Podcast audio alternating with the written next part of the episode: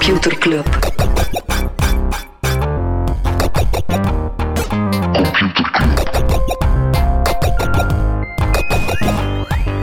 Computer Club. Hey Smolly, Hey Freddy. welkom, welkom terug. Welkom, welkom bij Computer Club, een wekelijkse podcast over technologie. Iedere week selecteren Freddy en ik een interessant artikel en presenteren een feitje. Ja man, ik stelde mij vragen bij hoe dat ik mijn intro gedaan had, maar hij had wel bij die iedere week zat even... Omdat in normaal is, iedere aflevering selecteren Freddy ik een artikel en presenteren een feitje. Hallo. Ja.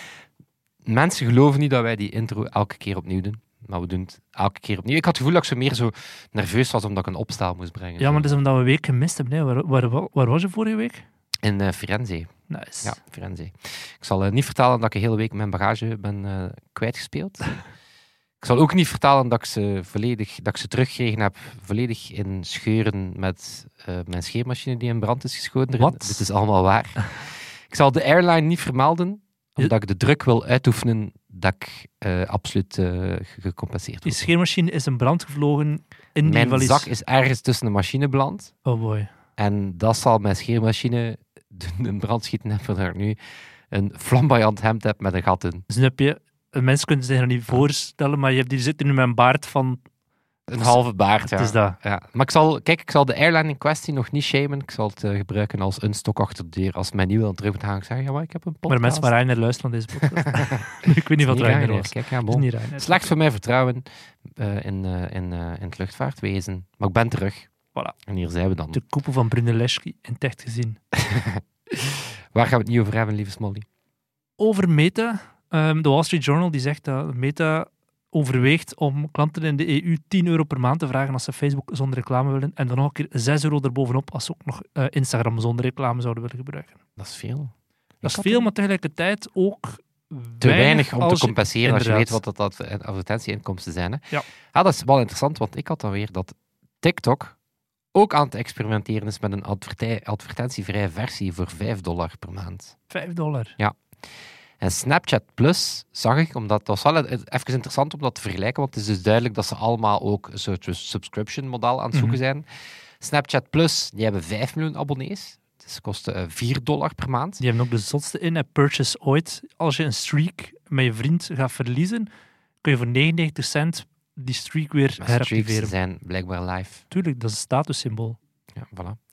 Maar dus die 5 miljoen abonnees, wat er echt niet zo weinig zijn, eh, want dat is 1,3% van hun dagelijks actieve gebruikers. Dus Snapchat is, is Mhm. er wel ergens in aan slagen om die Snapchat Plus eh, appealing te maken. Ja, X, dat weten we, dat gaat niet zo goed. 815.000, 0,3% van dagelijks actieve gebruikers.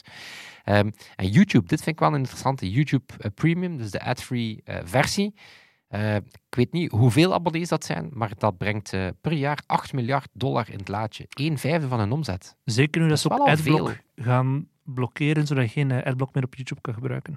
YouTube Premium is een van de abonnementen dat ik samen met vrienden deel.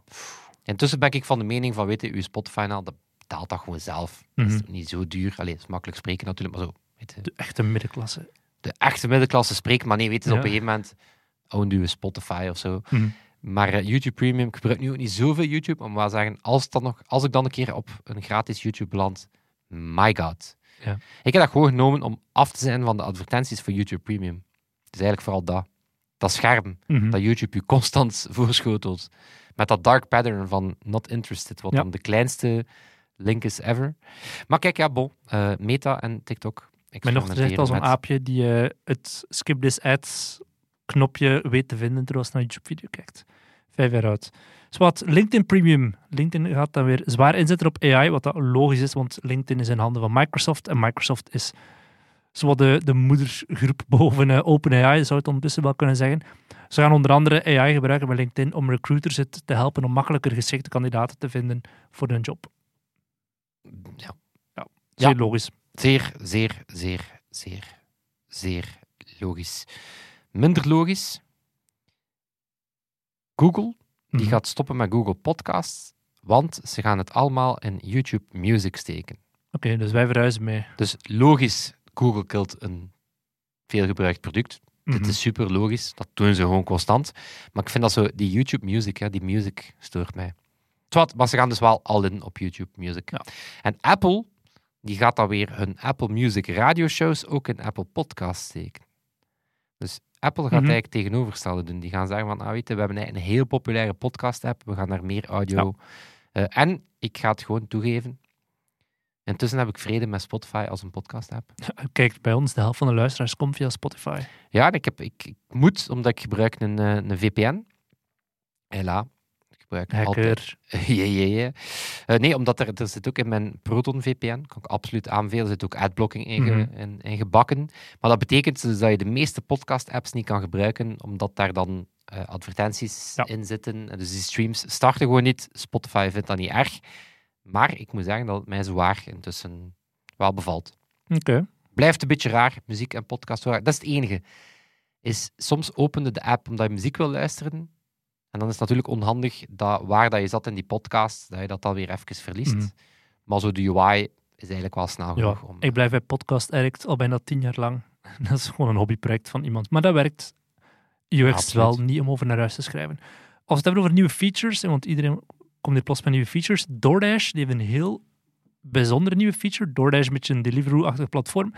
Je krijgt nu te goeden als je in een restaurant gaat eten. Dus waar je normaal DoorDash gebruikt om eten tot bij jou te laten komen, zeggen ze nu, stel dat jij in de Amigo hier om de hoek, ehm, als jij vanavond daar de feta brûlée gaat gaan eten, krijg je een tegoedbon van 5 dollar. Om, god weet welke reden dat ze aan het doen zijn, waarschijnlijk ook om meer offline eh, impact te creëren. En waarschijnlijk betalen die restaurants dan 2,5 euro van de 5 euro tegoedbon of zo. Snap, ik snap het businessmodel erachter nog niet helemaal, of de redenering ook nog niet 100%, maar het is iets nieuws van DoorDash. Het is wel cool dat dat allemaal zo in elkaar aan het overlopen is. Ja. Wow. Zot. Misschien gaan ze een Rezengo-achtig platform overkopen, waarmee dan ook offline kan in een restaurant een plaats Ik boeken. zag of zo. dat Rezengo overgekocht Ja, is. ja. Ik weet wel niet door welke partij. Een Nederlandse speler, mij. internationale concurrent. Maar Mhm. oh, ik vind dat een cool product. Doe gewoon Doet wat het moet doen. extreem goed wat dat, Ja. wat dat, dat moet doen. Eh ongebruikt feature van Rezengo is naar Rezengo zelf gaan, omdat je dan kan zien in welke restaurants dat er nog plek is. Ja.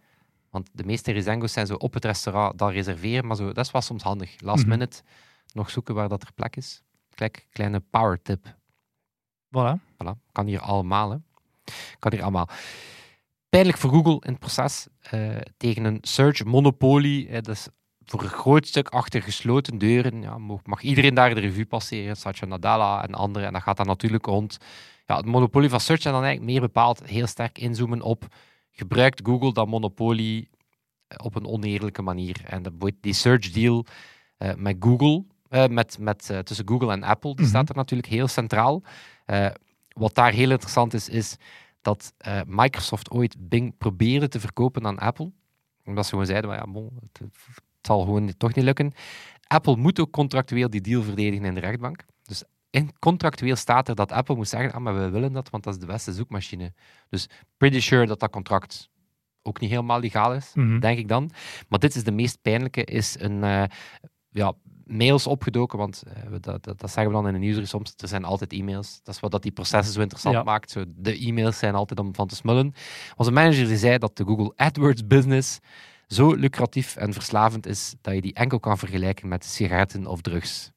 Ik zag wat ik in een eh, mail zou zetten die ik Dat is echt, stuur. Ja. dat weet je van het moment dat je die mail verstuurt, kan je nooit spijt hebben, denk ik. Mhm. Dat zijn woorden die, ja, die staan er dus wel. Hè. Ik denk dat dat wel zo'n bom, bommetje moment is in die rechtbank. Zo. Ja. Die mail, ik denk dat je die wel klaar uit van. eh. Wat trouwens ook een bommetje in de zaal moet geweest zijn, was de eh, passage van Linda Jaccarino op Code Oh Conference. my god. Absolute kijktip. Code Conference, wellicht een van de beste conferenties ter wereld. Eh, eh, Mhm. Fox Media zit erachter, Kara Swisher, eh Neil, Nilay Patel van The Verge, Ja. Casey Newton van Platformer. Altijd zotte line-up. Dus, moest ik in de VS wonen, ik zou er wellicht zeker proberen bij zijn.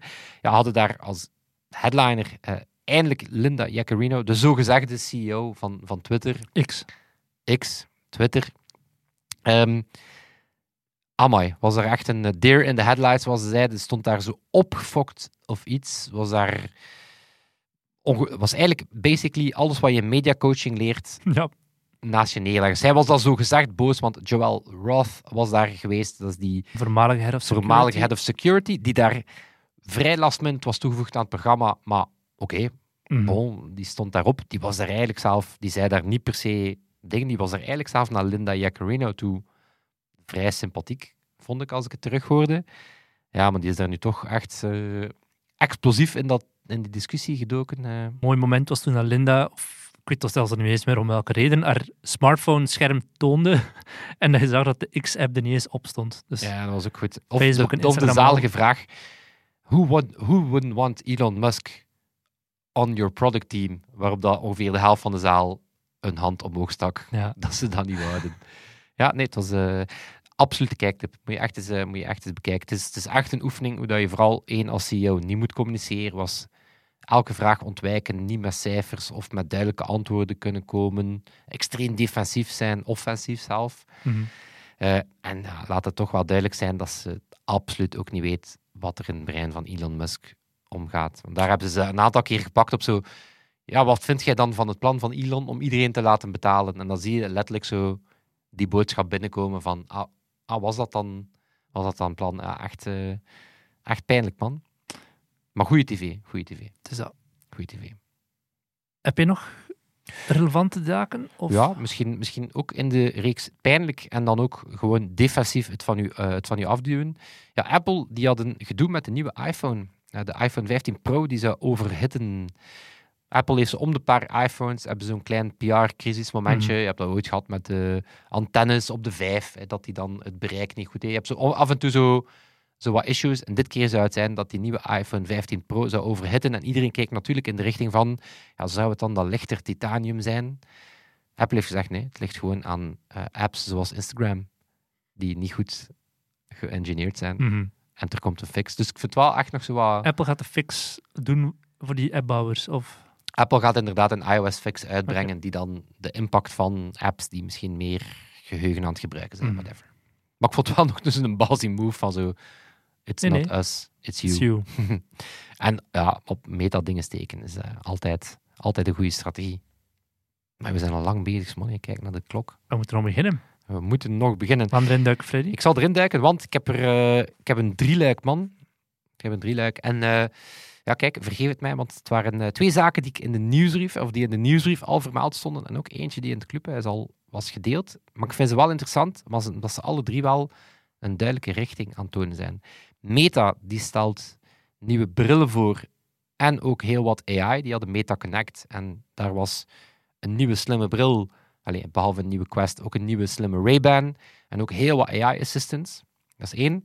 Dan had je op had je het nieuws dat Joni Ive, de ex-Apple design guru, en Sam Altman van OpenAI aan het praten waren om een soort AI-hardware device te gaan maken. En dan had je ook nog Humane, Ja.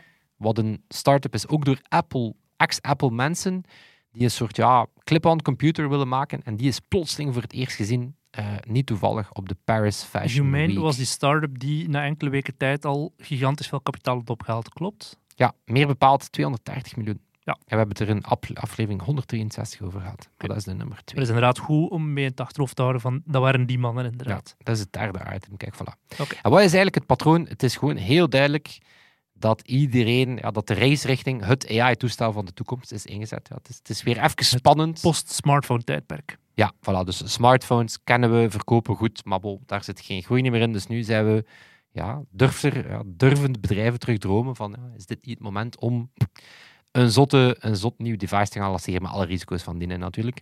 Maar dus, MetaConnect, ehm ja, daar ging er heel veel over AI. Ik ga, het- ik het even wat minder hebben over de Quest 3, Mhm. cool.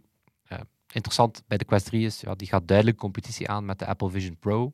Waarbij dat ze ook wel sick burns uitdelen van, ja, even goed, maar gewoon 500 dollar in plaats van 3500. Nu, heel veel AI, de meta-AI, wat dan een typische GPT-bot is, eh, die komt enerzijds naar WhatsApp, Instagram, Messenger. Eh, ook interessant, die gaat integreren met Bing. Er zit ook een image generator in, wat ik wel interessant vind. Mhm. Zeker op Instagram en in chat en zo ga je dus ja, eigenlijk zelf memes kunnen genereren met je face in of stickers kunnen genereren. Dus ik vind, ik vind het op zich wel cool. Ook leuk, misschien is wel de gimmick, is dat ze heel veel verschillende karakters hebben. Mr. Beast, Snoop Dogg, Paris Hilton, Kendall Jenner. Dus ze hebben ook een heel aantal ja, varianten van die, van die AI-assistant die dan eh, met bepaalde taken kan helpen en zo. Ehm, het model is natuurlijk gebaseerd op, eh, op Lama 2. ja, de, het open source model, niet getraind op Instagram of Facebook data. Dat is wel interessant. Dus het is niet dat het echt ook de context van Instagram al kent. Dat kan er misschien binnenkort wel bij komen. Ze hebben ook heel wat aandacht besteed aan red teaming. Dus ze hebben er heel wat meta-medewerkers op losgelaten om er veel use cases te proberen uithalen. Want dat is natuurlijk de typische dingen. Zo, Laat Mhm. dat ding dan bommen maken of zo. Dus te bekijken hoe goed dat, dat landt. Ehm, maar wel interessant is dat die Meta-AI, behalve in chat of in Instagram en andere, ook naar die nieuwe Ray-Ban-bril komt. Ehm, die kan livestreamen, die kan muziek afspelen, je kan er calls mee doen. Kon die al. Maar je zal vanaf nu ook ehm, naar een menukaart kunnen kijken en vragen om dat voor jou te vertalen, bijvoorbeeld. Of ehm, stap voor stap je door een reparatie gidsen of zo. Dus gaat die Ray-Ban-bril kunnen zeggen van oké, help mij nu, Mhm. help Deze mij nu te fixen. het raam te fixen. Of help mij nu mijn Zeg band... kraan. Een kraan, een kraan, een raam. Alles. Ehm, ik vind het wel interessant, want Mark Zuckerberg eh, die geeft ook toe van kijk, voor deze AI-golf dacht ik dat het enige pad naar zo'n smart glasses, dat dat zo eh, het enige pad richting die, die toestellen populair maken ging zijn, ja, all-out gaan op hologrammen en zware zotte visuals. Maar die zegt, ja, nu besef ik eigenlijk dat ehm, ja, het hebben van een slimme AI-assistent in zo'n bril ja, wellicht het nog snellere pad is richting slimme brillen dan augmented reality. Mhm. Dat is wel ergens, eh, ergens wel een interessante piste. Voilà, Meta, de Ray-Ban bril, Sam en Joni, eh, voilà, dus eh, Sir Joni Ive hij heeft nu een eh, design consultancy, Love From, is ook een vriend van Sam Altman. Ehm, en volgens die information zouden die al in verregaande gesprekken zijn, dus er is nog geen deal. Ehm, maar dan nog ja, duurt dat wel jaren eer dat je dat toestel Mhm. maakt. Maar bon, het zou dus wel echt al heel concreet zijn. En dan mag je natuurlijk raden wie dat dat duo met zeer veel plezier een grote zak geld zou geven. Masayoshi, uiteraard. Waar blijft die zak geld op me halen? Maar nu heeft hij er, omdat hij natuurlijk met Ja. de ARM-beursgang goed gecashed heeft, hij wou, zoals hij in die aflevering, een paar afleveringen geleden zei, hij wil die AI-boot niet nog verder missen. Mhm. Dus ja, Massa zou natuurlijk zegt, vrienden, geen probleem, hier is 1 miljard. Wat natuurlijk interessant zou zijn, want dan zouden ARM-chips daar wellicht ook. eh, dus eh, wel slim. Ehm, en wat ook meespeelt, is dat Joni, die zou gedesillusioneerd zijn, dat is een moeilijk woord, door smartphones, hoe verslavend dat ze zijn, de schermtijd dat we er met z'n allen aan spenderen. Dus die heeft misschien een beetje spijt van zijn iPhone. Ik denk dat spijt misschien een groot woord is, maar die wil beter doen. Zijn Alfred Nobel moment. Voilà, dus die zegt, oké, wat als ik eh, dankzij AI een meer menselijke toestel kan maken. En voilà, dan komen we bij Humane natuurlijk. Een start-up door eh, een koppel, eh, een designer, eh, Imram Choudhury, en een engineer, Bethany Bongiorno. Blijven een Italiaans thema. Respectievelijk designer en ex-top-engineer bij Apple. Hebben we het in aflevering 163 al over gehad trouwens. Toen dat we zeiden van ja, dat is eigenlijk een van de meest gefunde startups Dat is crazy. die amper iets Ja. getoond hadden. Ehm, wel, in april eh, stond dan die Imran Choudhury ehm, op het podium en die toonde daar voor het eerste toestel. En wat interessant is, is het is eh, een toestel zonder scherm. Dus je kan er eh, niks op zien, je kan er niet op klikken. Het heeft wel een kleine projector. Dus het is eigenlijk een soort ja, clip-on. Het voelt heel Star Trek-y. Mhm. je, je klipt het op je broek of op je, of op je hemd. En het kan eigenlijk gaan projecteren op de grond, op je hand enzovoort. En je kan het dan gaan bedienen met je stem. En ja, waarom, waarom vertel ik dit? Omdat het, ja, zoals ik zei, opgedoken is op de catwalk in Parijs. Naomi Campbell en anderen. Dus het toont ook wel dat die snappen dat zo'n een item ook een stukje, een- zoals de Apple Watch, een beetje een, fashion... Luxe, ja. Allee, het moet ook Mhm. een, als je het op je kleren gaat dragen. En het ziet er eigenlijk ook wel echt al, eh, al wat cool uit. Ja, en het gaat natuurlijk volledig gebouwd zijn rond, eh, rond AI. Eh, met name rond ChatGPT, want Microsoft, Sam Altman himself zijn ook investeerders in het bedrijf. Je gaat kunnen bellen, informatie kunnen tonen, eh so far vergelijkbaar, maar ook bijvoorbeeld ja, kijken naar iets van eten en zien of dat je het mag eten, of eh, dingen vertalen. Hè, dus zo die, ook naar een bikkie mogen kijken. Nee, ik denk dat je altijd een bikkie is dat. Altijd, altijd een bikkie molly. Nooit twijfelen, maar ik denk niet dat je ooit twijfelt. Ik twijfel nooit, nee. Ik, zie dat op je, ik zie dat op je grams. En ook interessant is dat eh, die Humane, ik weet niet of dat toestel een naam heeft. Goeie vraag. Goeie vraag. Moet ik mijn research beter doen. Maar dat toestel zou al in november gaan verschijnen, wat niet meer zo lang is. Maar bon, als het op die catwalk al getoond wordt. Maar zeer benieuwd. Dat, eh, ongetwijfeld gaat dat zo'n moment zijn. Over er in- pricing en zo is er nog niets geweten. Hè? Nee, ik denk niet dat dat al geweten is. En ongetwijfeld gaat daar in het begin heel veel mee gelachen worden. Ben ik eigenlijk Mhm. vrij zeker. Maar bon, dat werd eh, met de eerste smartphones ook gedaan. En om het stukje af te sluiten, wat ik heel interessant vond, was een, eh, een uitspraak van een, eh, ehm, een ex-topman, want een ex-topman bij Tesla, die nu bij OpenAI zit, eh, die een interessante beeldspraak had. Wat hij zegt, ja, weet je, je kan al deze nieuwsfeitjes horen en zeggen van ja, maar dat klinkt toch allemaal als wat ze zeiden dat die spraakassistenten gingen zijn. Of hebben we al die chatbots al niet eerder gehad en dat waren Siri, Mhm. Google Assistant enzovoort. Ja, het grote verschil is natuurlijk die large language models nu, hè, die Amazon onder andere ook op het laatste Alexa-event heel sterk zit te pushen. Ehm, en Andrei Karpathy, wat dan die, die OpenAI-topper is, die zegt, ja, weet je, ehm, heel belangrijk is, we mogen die LLM's, of die taalmodellen, echt niet meer, niet, niet meer zien als enkel een chatbot, maar meer als de kernel, meer als het, het kloppend hart van een besturingssysteem. Ja, eigenlijk moeten we dat zien als de Mhm. motor van computers. Dus die zegt, LLM's bekijken als chatbots, dat is een beetje als naar computers kijken als een rekenmachine. Ja, strikt gezien is dat waar, maar het kan ook veel meer. Ehm, dus hij zegt van ja, dit is effectief het begin waar dat we ja, de grote taalmodellen eigenlijk als motor gaan zien achter taal van, eh, van toepassingen en hardware.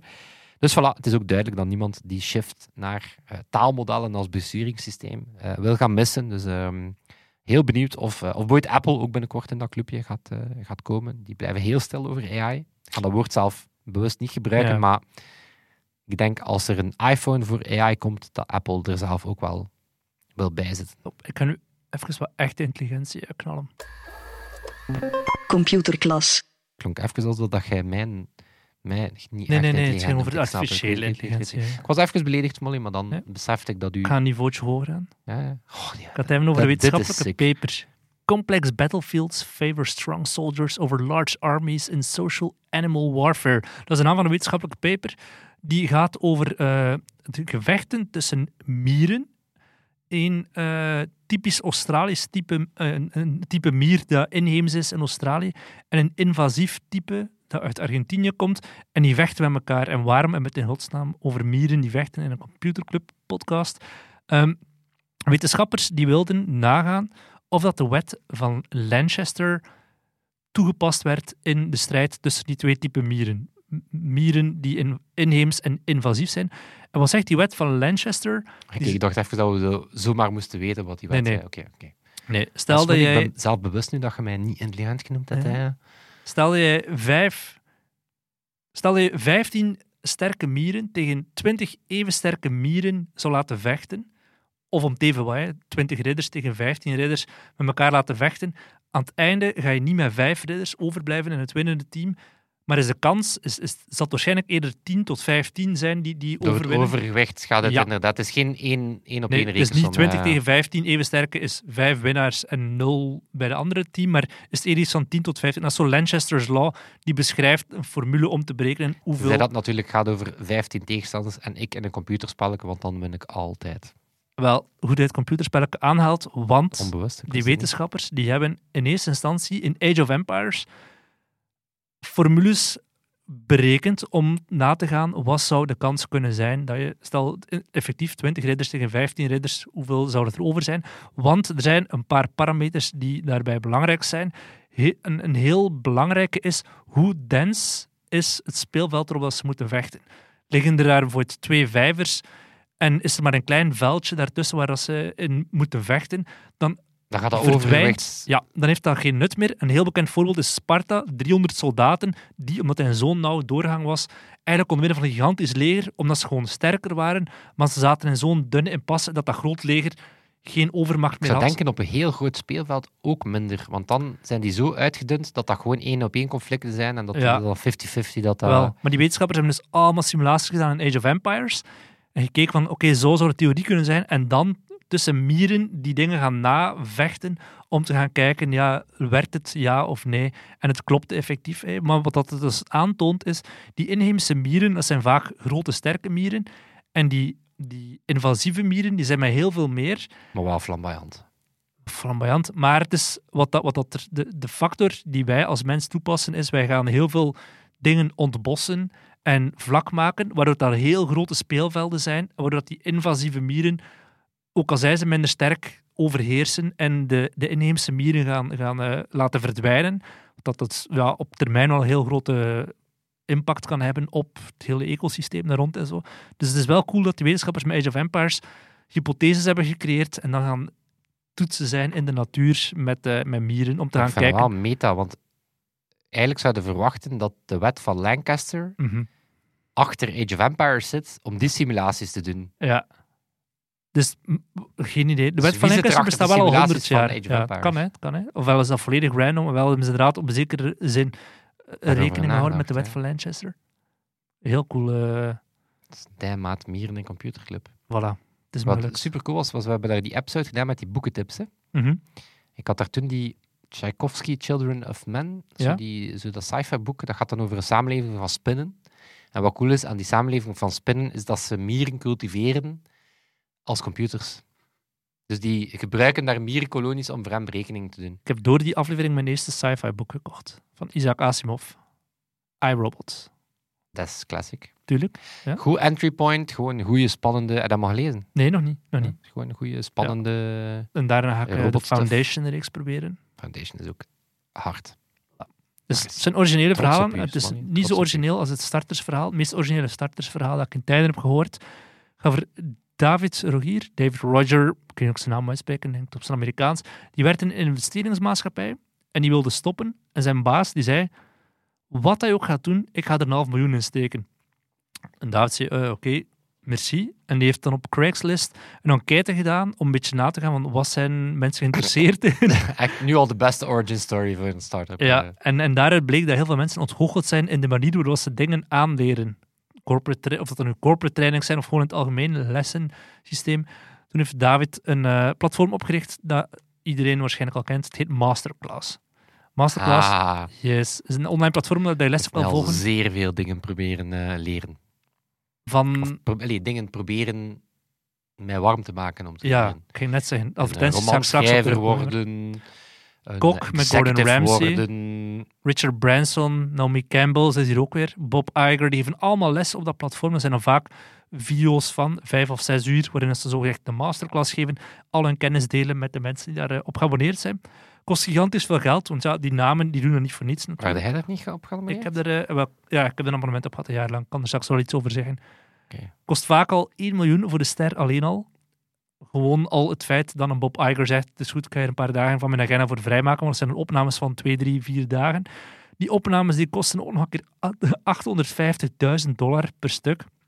Dat waanzin is. Er loopt 50 man rond op zo'n set, terwijl hij uiteindelijk ook maar gewoon een Bob Iger of de Naomi Campbell is die in een stoel zit te vertellen. Dat lijkt mij meer dan een redelijk Ja, dat is onverantwoord. grote serie. Hij is zelf, Ja, dat is eh, onverantwoord veel voor wat dat zo, eigenlijk eh, is. ja, Ehm. Uiteraard hebben ze ook al, zijn al 300 miljoen moeten ophalen. Op een bepaald moment waren ze 3 miljard waard, maar dus van die 3 miljard was er al de 300 miljoen dat ze hebben opgehaald. Het traditionele verhaal van heel veel van die streamingplatformen is dat ze in corona keihard gestegen zijn. En, oh, keihard, ze zijn gestegen. Misschien niet keihard, maar ze zijn gestegen. En daarna afgevlakt of zelfs beginnen dalen. Corona was sowieso al heel fascinerend voor hun, omwille van het feit dat je, je mocht niet filmen. Maar zij zijn in IJsland gegaan, mensen overgevlogen in privéjets, zowel mensen van het team als de internationale As sterren. you do, as you do. We Absoluut. Ook, eh, Dus- mensen weten dat niet, maar we hebben dit ook al op IJsland eh, We zijn toen blijven opnemen. Ja. Ja. IJsland aan Groot-Brittannië aan. Ja. Zwat. weerszijden van een kamer. Ja, ze hebben wel een churn rate van 52%. Dat dus betekent dat heel veel mensen nemen misschien wel een abonnement, maar ze zijn ook wel weg. De helft, meer dan de helft is weg na een jaar. Ja, die schrijven dan een roman en dan, ja, ze zijn rijk. Hè. Dan dan kunnen ze zelf starten ze een mediabedrijf en dan zijn ze plotseling Disney. Hoe Nee, makkelijk is dat? maar je merkt wel, bij, bij het, het geld klotste een beetje langs de plinten bij Masterclass de voorbije jaren en ze hebben nu zwaar moeten besparen. Geld klotst, klotste langs de plinten. Dat klopt. Heb je dat nu net uitgehaald? Nee, dat is toch een bestaande uitdrukking. Ik ken ze niet, maar ik vind ze top. En wel, maar ja, ze hebben, ze hebben een helft van het personeel moeten ontslaan, doordat het minder gaat. Zeer zware budget cuts. En ze zijn ook zwaar niet meer aan het inzetten op marketing. Want je zei het zelf, van één keer als je op die website komt, dan word je gewoon geretarget tot en met. En dat heeft er ook wel een beetje de das omgedaan, zeggen zij zelf. Omdat eh, de iPhone die wijzigen met de privacy, dat je niet meer kan volgen. Ah, ja. Ja, dus zij ja, zeggen, mensen die hebben het allemaal afgezet, dus wij kunnen niet meer gaan retargeten op Facebook of op Instagram. Eenmaal dat ze dat platform hebben bezocht. Dat is En- echt zo het classic excuse. Hè. Ja, ja. Zo eerst We doen het boomen in, de, boomen in de pandemic en dan begint ze wat stil van. Fucking Apple Ja. privacy changes. Nu, Toch? nu, ja, nu is een strategie. We gaan samenwerken met een luchtvaartmaatschappij. Dat je bijvoorbeeld bij United Airlines één zo'n video kan zien terwijl je vliegt. En dan een zou Ah, oké, nemen. oké, oké, oké. Ik dacht even Bob Iger die eh, airline personeel ging opleiden. Nee, nee. Nee, dus nee, als je op een vlucht zit, dat je Ja. op je vlucht leerde brood bakken. Ja, maar wat ze ook beginnen doen, ik zeg het ook, budget cuts voor die video's. Ze gaan meer focussen op bite-sized content. Dus plaats van een masterclass, dat is al snel 4, 5 uur. Video's van 20 minuten, dat vind ik een heel domme beslissing. Want daarmee kom je in het vaarwater van de YouTubes en zo van deze wereld. En- Eigenlijk, eigenlijk de koer al toch? Nou nee. De, de content dat je ziet op zo'n Ja, maar- masterclass, Is super high pro en je is super high quality. Ja. Maar op YouTube staat er ook veel quality en is dat gratis. Toch, het is geen Bob Iger, hè? Allee, nee, nee. maar op YouTube vinden toch ook superveel explainer. En, Dat zeker. En, zeer goed en veel ook praktijkgerichter. Want dat was mijn grootste probleem bij, bij Masterclass. Het zijn video's van 5, 6 uur, maar op het einde heb je daar misschien één of twee interessante dingen van geleerd in die video. Het gaat veel meer over wie geeft die les dan effectief. De focus ligt niet op de kennisoverdracht. Het is meer toffe anekdotes en toffe verhalen. En niet op, we gaan die nu van A tot Z een les geven en jou die, die informatie geven. Dus je mag er ook niet met die verwachting instappen van ik ga er dingen bijleren. En dat is het grote probleem, vind ik, met Masterclass. Ik weet niet goed wat dat het wil zijn. Is het een soort celebrity-platform waarop dat je kan... Is het entertainment of is het Ja. echt wel Ja. praktijkgericht? Is het het is Duolingo of is het, eh, is het eh, Disney Plus? Ja, het is niet praktijk. Het is zelfs... Ja, Duolingo is ook niet echt om veel bij te leren. Duolingo is ook meer... Het is niet aan tijden van, van een Duolingo-reeks perfect Frans of Spaans kan. Hè. Is dat niet net de bedoeling van Duolingo? Ja, nee, maar dat blijft gewoon nog altijd meer entertainment en woordjes Ja, toch. aanleren. Echt de grammatica. Ik kijk super hard uit naar, uw, naar uw masterclass over bikkies. Die duurt 17 uur. Nee, jong, die duurt eh, 16 seconden. Dat is gewoon zo, bam, hier is een bikkie. Hup, Hier is een. Doe. Bam, bikkie garage, einde les.